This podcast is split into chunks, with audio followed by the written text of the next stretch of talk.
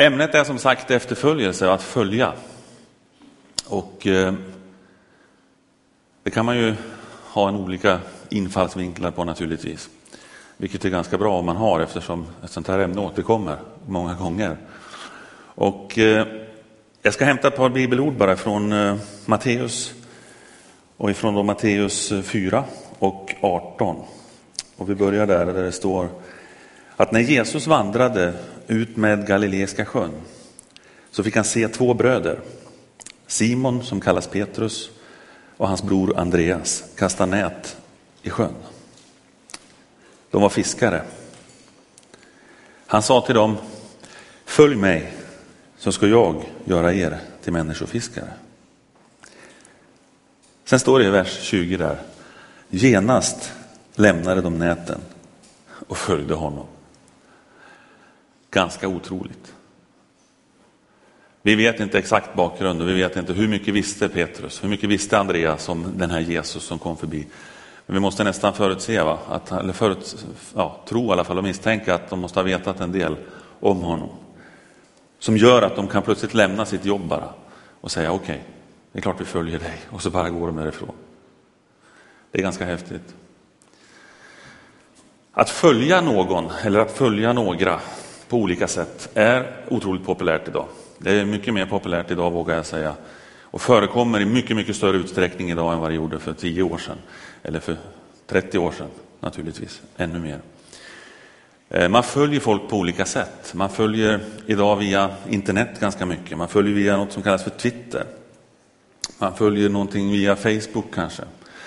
Man följer folk via tidningar som man läser. Man har personer man kanske vill speciellt följa med och se hur det går för dem och vad som händer med dem. Ni ser, han har redan omsorg om vår utrustning här också. Det var lätt gjort att trampa på en mikrofon där, så det såg han direkt. Jo, eh, vi kan följa folk på så många olika sätt.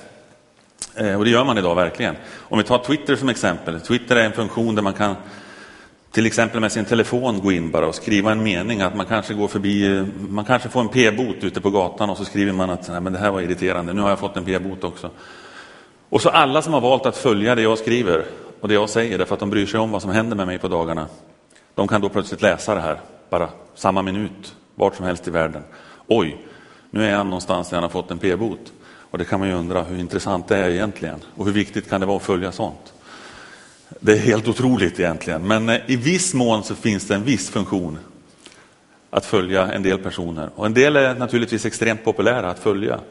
Jag kollade i morse, innan jag åkte hit, så kollade jag bara topplistan hur det ser ut på Twitter. Och just nu så den som har allra flest personer som följer sig, eh, det är en kille som inte är särskilt gammal.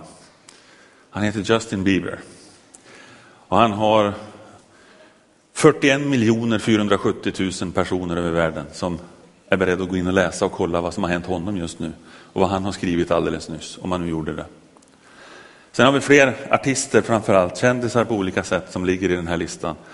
Nummer fyra just nu, han heter Barack Obama. Så presidenten får se sig förbiseglad av några tonåringar och andra människor. Därför att det är så populärt. Märkligt på ett sätt, men så är det. Jesus han sa de här orden, följ mig, vid olika tillfällen faktiskt. Han sa det inte bara till de här två, han sa det till andra personer som han stötte på, som också blev hans lärjungar. Levi, en man som jobbade med tullhuset och drog in tullar och pengar. Han eh, fick den kommentaren när Jesus gick förbi, följ mig. Han följde också Jesus. Vi kan se en annan person som säger, ja visst, jag ska bara gå och begrava min far först och sen så kan jag komma. Låt de döda begrava de döda, säger Jesus. Kom nu och följ mig. En annan person får, får kommentaren av Jesus att, för han får frågan om vad han ska göra. Ja, så vill du bli fullkomlig, säger Jesus, då ska du gå och sälja allt du äger och så ger du åt de fattiga och så kommer du sen och följer mig. Så det är lite personligt styrt så här efter situationer, efter, efter individer och deras individuella speciella situation som Jesus kommer med sina kommentarer. Det är inte samma exakt till alla liksom. Även om följ mig finns med på de olika så har han ändå koll på var och en och vad som är viktigt för just oss. För det första, att bli efterföljd, så är det, vågar jag nog säga, en, en ära att bli efterföljd. Att, att uppleva liksom att det finns folk som bryr sig om mig. Det finns människor som, som, eh, som vill följa mig. Och då menar jag inte bara det här via dator eller via telefoner och sånt, utan rent generellt så tror jag att man kan säga att det, det är ganska ärofyllt att känna att det är folk som ser upp till mig på något sätt eller som vill följa mig. Först efter ett tag så kan jag tänka mig att det, det blir lite jobbigt också. Det kan det bli faktiskt. Efter ytterligare ett tag så kan jag tänka mig att man också känner att eh, det här är väldigt jobbigt. Och för de som är riktigt efterföljda så är det i stort sett outhärdligt till slut. De vet inte var de ska ta vägen. Många av de här skådespelarna och artisterna och kändisar som vi ser mycket av i våra media, och som vi ser i vår tv och våra, ja, på internet och överallt. De personerna de lider ganska mycket av att de blir väldigt efterföljda. Jag har stått där själv ganska många gånger i, i, borta i Hollywood och stått ihop med de här paparazzi som de kallas för, som är ute och fotar och jagar dem ända in i det sista vad de än gör för någonting så vill de ha bilder på dem. Och jag har stått där och sett hur de är glada. Jag har sett, sett de här personerna, för Ashton Kutcher, allt vad de heter, Kate Beckinsale, Tom Cruise. Hur de står där och, och ler och hur de står där och tar emot det här liksom, eh, intresset. Och de tackar folk för att de är med och, och bryr sig om, för de skapar och bygger en karriär åt dem som har betydelse för dem. Så de är glada på det sättet. För jag har också sett baksidan av hur de får utbrott, hur de flippar ur bara och inte pallar längre med det här utan springer fram till någon människa med en sån här kamera och så bara rycker kameran av dem och slänger den i backen och säger stick härifrån. Någon gång måste jag väl få vara själv, jag klarar inte det här. Och så blir de tokiga liksom. Springer bara från platsen. Och otroligt nog så springer det bara en hel hord med andra kameramänniskor efter och ska liksom ändå inte släppa dem i fred, utan de får gå där, de får springa där med den här plågan efter sig, därför att de har blivit så kända, de har blivit så efterföljda så att det blir jobbigt för dem. Eh, världens kändaste person måste väl ändå vara Jesus Kristus. Han som är mest välkänd i alla delar av vår jord. Han som är nummer ett och genom alla tider är den som har varit mest efterföljd. Alla kategorier. Det vågar jag säga. Jesus, han är den som kanske blir allra mest störd av folk. Om ni förstår vad jag menar med störd. Avbruten, eller ja, alltså att, att de är på honom därför att de vill någonting. Hela tiden, varje sekund på dygnet, så är det folk som vill ha tag i Jesus och som är ute efter honom och som inte ute efter honom i negativ bemärkelse i första hand, utan de vill samtala med honom. De har problem de vill lösa ur sig ur honom. Vi ska jag egentligen säga, för jag är en av dem själv som är med och satsar på att få tag i hans attention, hans uppmärksamhet. Så han är verkligen ett otroligt bra exempel på, och framförallt ett, ett föredöme när det gäller att vara en, som, en person som blir efterföljd. Jesus, han har aldrig flippat ur för att han är efterföljd eller för att han är sökt. Aldrig. Och han kommer aldrig någonsin att göra det. Han har fullständig koll på läget och kommer aldrig att känna att han är störd i ordets rätta bemärkelse av att du kommer till honom. Vilken tid på dygnet det än är, var någonstans du än befinner dig på jordklotet, så kommer han alltid ha tid för dig. Och så vill han att du ska komma till honom. För han är inte en vanlig människa bara, som har de begränsningarna som vi har. Han är Gud också. Han har tid. Alltså han kan lyfta dig ur vilken soppa som helst. Han kan ge något och, och leverera till dig i precis alla lägen. Jesus han älskar dig vad du än har gjort. Sätt det här i jämförelse med de andra kändisar vi pratar om så är det en otrolig skillnad. Han har alltid tid med dig som, som jag sa. Han hjälper dig, han hjälper dig i ditt vardagsliv till och med. Han är beredd att trösta dig när du är nere. Han är beredd att lyfta dig när du har gått ner dig någonstans och känner att det här är en jobbig dag. Det här är ett jobbigt liv. Han är den som vet hela tiden vad som är bäst för dig och så vill han väl. Den kombinationen är helt otrolig. Att han vet vad som är bäst och han vill väl och han känner alltså bakgrunden i hela ditt liv.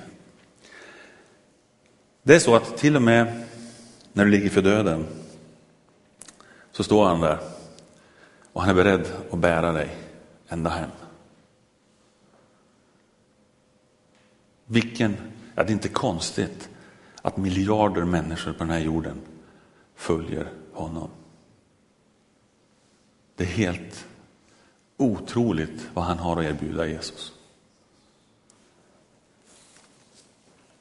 Vi vet dessutom ganska mycket om vad som kommer att hända, även om vi inte vet detaljer, därför att vi har tillgång till Bibeln, till Guds ord. Så vi har bättre koll egentligen på världshistorien, eller vi, alltså vem som helst naturligtvis, för Bibeln är tillgänglig för vem som helst. Och via den så har vi bättre koll på, på världshistoriens framfart och slut och fortsättning. Vilket gör att vi har en, en, eh, en ganska intressant sits egentligen med våra liv. Och förutsättningarna för oss är inte dåliga där. I Sverige kan vi få en uppfattning, alltså att det, jag säger att det är miljarder människor som söker och som följer Jesus. Och i Sverige kan vi få en annan uppfattning kanske, när vi lyssnar på vad media säger och när vi lyssnar på folk på jobbet kanske, så kan man få känslan av att eh, det är inte så många, det är lite kufar som, kufar som håller på med det här med att tro på Jesus. Det är annat som gäller nu liksom. Ni är lite efter om ni tror på Bibeln. Det är inte så.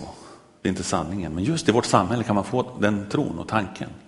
Därför är det nyttigt att resa runt i världen lite grann och se att världen, det är inte den här ankdammen Sverige. Här har vi våra saker vi håller på med och det är ett fantastiskt fint land. Men eh, vi har inte kommit särskilt långt när det gäller vår relation till Gud i det här landet. Vet ni vem Peter Stormare är? Han är också en sån här skådespelare som, som är svensk och som har gjort en del filmer som är ganska kända. Eh, han uttalade sig för ett tag sedan och sa så här, jag tror det var ett år sedan eller något sånt. Och han sa så här att eh,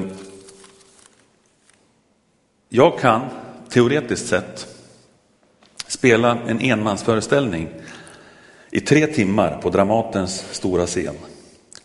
Där jag vandrar fram och tillbaka på scenen i en enda monolog och skriker en massa svordomar, könsord och gör det för att på något sätt avsluta den här monologen med att gå och sätta mig på en hink och uträtta mina naturbehov. Jag skulle kunna göra det, säger jag. Och ingen i Sverige skulle reagera på att detta var något konstigt. Utan förmodligen skulle jag hyllas som konstnärligt nyskapande. Men om jag stillsamt konstaterar att jag i likhet med de flesta andra människor på jorden tror på Gud, då tycker människor att jag är suspekt.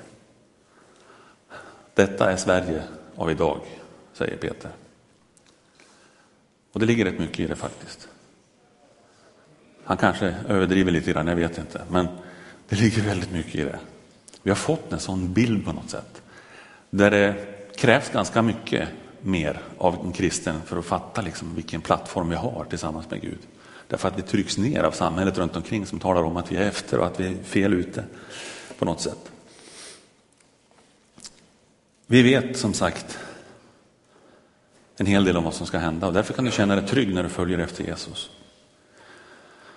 Har du suttit och tittat på en tv-serie någon gång? Som, ni vet en del tv-serier de, de pågår ju i flera år. Liksom. Det är nya säsonger och det är sju, sjunde säsongen, åttonde säsongen. Och, om det är bra, liksom, om det är populärt, bra behöver det inte vara alls. Kan jag säga. Det kan vara hur dåligt som helst. Men är det tillräckligt många tittare bara, då gör man en till säsong.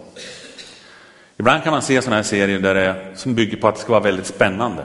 Att det är mycket, mycket spänning helt enkelt, farliga saker som händer. Så bygger man upp en speciell känsla inför slutet av avsnittet så att man ska se nästa avsnitt också. Man gör en så kallad cliffhanger på slutet och säger att ja, det här måste ni få veta hur det går med den här personen. Och ibland så är kanske huvudpersonen i hela den här tv-serien en, en polis eller en hjälte på något sätt som är ute och, och jagar bovar. Vi ser i ett avsnitt hur han kommer in i en lagerlokal. Det är tio minuter kvar av tv-programmet och det börjar bli hur spännande som helst. Och vi vet att när han går in i den här lagerlokalen så har han fem, sex olika personer som sitter på olika ställen där inne med olika vapen och siktar på honom därför att han ska åka dit. Och du och jag sitter vid den här tvn och ser det här hända och ser att han kommer hem och ska ta det här handtaget och tänker bara nej, stanna, gå inte in för allt i världen. Du kommer att åka dit på en gång, du kommer att bli skjuten. Han går in utan vapen. Ser att han tar det här handtaget och man bara, hur ska det här gå liksom? Då kommer vi på, vänta nu, det här är ju bara tredje säsongen jag tittar på. Det finns ju fyra säsonger till av det här. Okej, okay. han kan gå in om han vill, det är inga problem. Han kommer att överleva. Det här kommer att fortsätta flera år till. Yes, ja, ja, går du, går du in får vi se hur det här ska gå.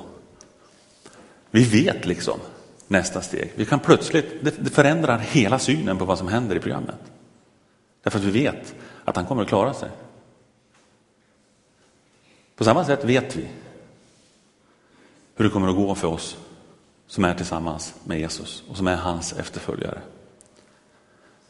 Vi kan läsa Uppenbarelseboken till exempel i Bibeln, den sista boken i Bibeln som är väldigt speciell. Svår att förstå på många sätt. Som handlar om framtiden i, verklig, i verklig mening. Och inte bara det, utan det handlar också en del om vad som har hänt tidigare och som händer just nu. Det vi läser där, det är eh, en del är nästan skrämd av att läsa vad som står där. För det är speciellt. Men man kan säga så här att om vi sammanfattar hela uppenbarelseboken totalt och sätter bara en liten mening över alltihopa skulle man kunna säga Jesus vinner. Det är Jesus som tar hem hela spelet. Det är han som är segraren. Så vi vet att vandra med honom. Att vara en efterföljare till Kristus. Det är aldrig farligt. Vi är alltid i hans hand. Vi är alltid på en väg, på en stig, någonstans med honom i följe. Han som har makten i himmel och på jord. Kan, kan det bli bättre? Liksom? Kan du följa någon bättre person än Jesus? Nej, det är inte möjligt. Faktiskt inte möjligt. Känner du att du skulle vilja börja följa honom du också? Är det en tanke du får just nu eller kanske har haft en period att jag kanske ska slå följe med Jesus jag med? Så kan du göra det naturligtvis genom att läsa bibelsammanhang som du hittar i framförallt eh, evangelierna. Står det väldigt mycket om just honom, vad han gjorde när han gick fram här på jorden. Det står om honom i Gamla Testamentet, det står om honom i andra böcker naturligtvis, i, i Nya Testamentet också.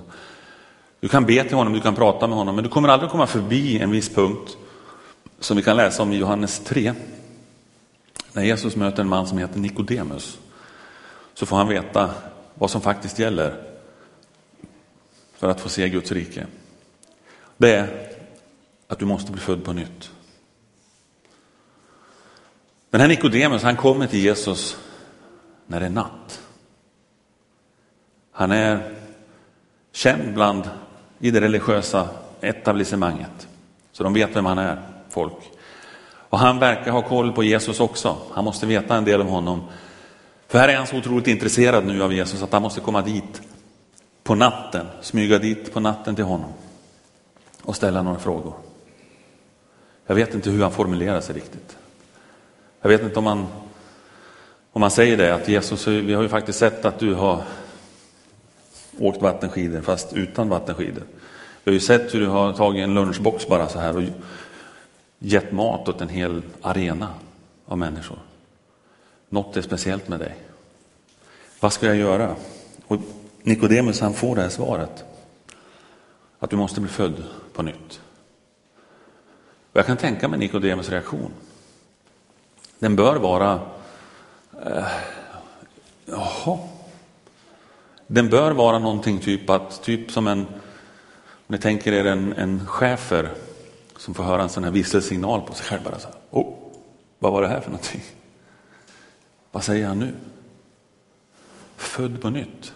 Jag är ganska stor. Min mamma, ja, hur ska det här gå till? Kan jag liksom lösa det här på något sätt? Men det är inte det det handlar om. Utan Jesus han förklarar att det som är fött av vatten och ande kan vara med och ärva Guds rike. Fött av vatten, det kan man då diskutera självklart. Det finns alltid debatter om alla stackars bibelverser som finns i den här bibeln. Om vad menar han med det och så vidare. Men man är väl ganska överens de flesta om att det handlar om att vi föds genom vatten när vi föds som människa. Vattnet går, brukar man säga, innan en födelse, innan en förlossning. Och att vi fysiskt sett på det sättet måste födas till den här jorden. Men att vi också i anden måste göra det. Väcka den ande som sover i oss och se till att den får liv. Född på nytt, det handlar om att ta emot Jesus. Det handlar om att säga ja till honom. Det handlar om att bekänna att jag tror på Gud, jag tror på Kristus som min frälsare. Och där har du i ett nötskal ditt sätt att bli en efterföljare till Jesus. Du kanske säger så här att ja, det kanske vore intressant att följa honom, men Eh, jag kan inte säga att jag älskar Jesus. Nej, jag kan förstå det. Det är inte så lätt att tänka sig in i det, särskilt inte om man har haft med Gud att göra överhuvudtaget. Och så ska man plötsligt säga jag älskar Jesus.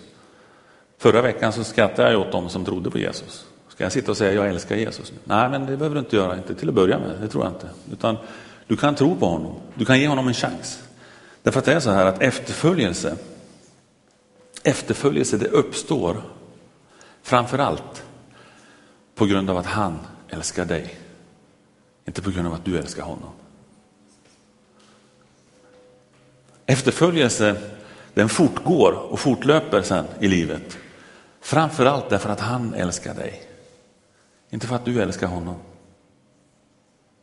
Det stora är att det är han som älskar dig. Enkla människa på den här jorden. Den är Gud som har varit med och skapat himmel och jord. Han älskar dig. Det här har vi sagt så många gånger, så det går så lätt förbi oss bara. Ja, men det där har jag hört tusen gånger. Det spelar ingen roll. Det är lika sant i alla fall. Det är så det är. Han älskar dig. Hur du än känner det, så är det ett faktum. Efterföljelse, det slutar också med att han älskar dig.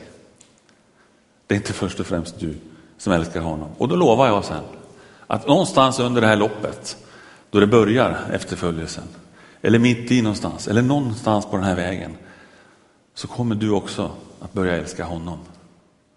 Det är i stort sett omöjligt att stå emot det.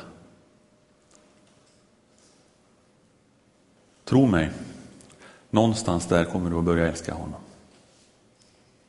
Ibland kan du höra en kristen person som säger att jag har varit eh, frälst eller kristen eller troende i, i tio år och jag fortsätter faktiskt märka att försöka prestera saker inför Gud. Jag försöker göra saker som jag tror att det här vill han att jag ska göra och nu ska jag på något sätt väga upp det han har gjort för mig. Jag måste på något sätt, inte väga upp kanske, men jag måste ändå hjälpa på lite grann. Jag måste ändå prestera någonting och visa Gud att jag är värdig lite i alla fall det här. Det är ett stort sett omöjligt uppdrag faktiskt. För du kommer aldrig bli värdig frälsningen. Ingen av oss kan bli det. Vi får den av nåd. Det är han som har gjort det möjligt. Det är han som har gjort att det kan ske. Att göra som vi gör många gånger, även jag håller på så ibland, och ska prestera saker inför Gud för att jag ska ja, väga upp det här på något sätt. Det är egentligen ungefär som att säga till Gud att du, det Jesus gjorde, det var ju bra, men det räcker kanske inte riktigt. Va? Utan jag måste hjälpa till jag också. på ett sätt så är det det vi säger till Gud. När vi tror att vi ska bygga upp det här. För det är egentligen det Jesus gjorde som är hela poängen. Bli också du en efterföljare till Kristus. Amen. Tack Herre att vi får vara dina efterföljare. Tackar dig Herre att det inte behövs några Twitterkonton det behövs inte att man är med i Facebook för att följa dig, Herre. Det är helt ointressant ur den vinkeln, Herre. För att du finns alltid tillgänglig. Det är alltid täckning när vi ska prata med dig. Det är aldrig upptaget när vi ska prata med dig. Det spelar ingen roll hur mycket datorn krånglar. Vi kan alltid nå dig, Herre, därför att du är vid vår sida så fort vi säger Jesus, här är jag. Tack Herre för möjligheten att få följa dig. Tackar dig för de som är här idag och lyssnar på det här budskapet. Eller via internet eller något, Herre, få höra de här orden vi talar just nu, Herre. Jag ber för var och en av de personerna som hör och som tar till sig det här budskapet. Att de ska få ha en framtid där de följer dig. Där de får uppleva att de är älskade av dig först och främst. De får bli lika Johannes som sa att jag är ju den lärjunge som Jesus älskade. Herre, vi kan undra ibland vad han menar med det. Vad, vad var det för egoist som tänkte att sätta sig själv först där hela tiden och tro att han var ensam om det. Men vi fattar Herre att det var så han kände det, det var så han upplevde det. Och det är det vi också kommer att göra när vi följer dig. Jag ber för var och en som är med idag. Välsigna, beskydda och bevara. Amen.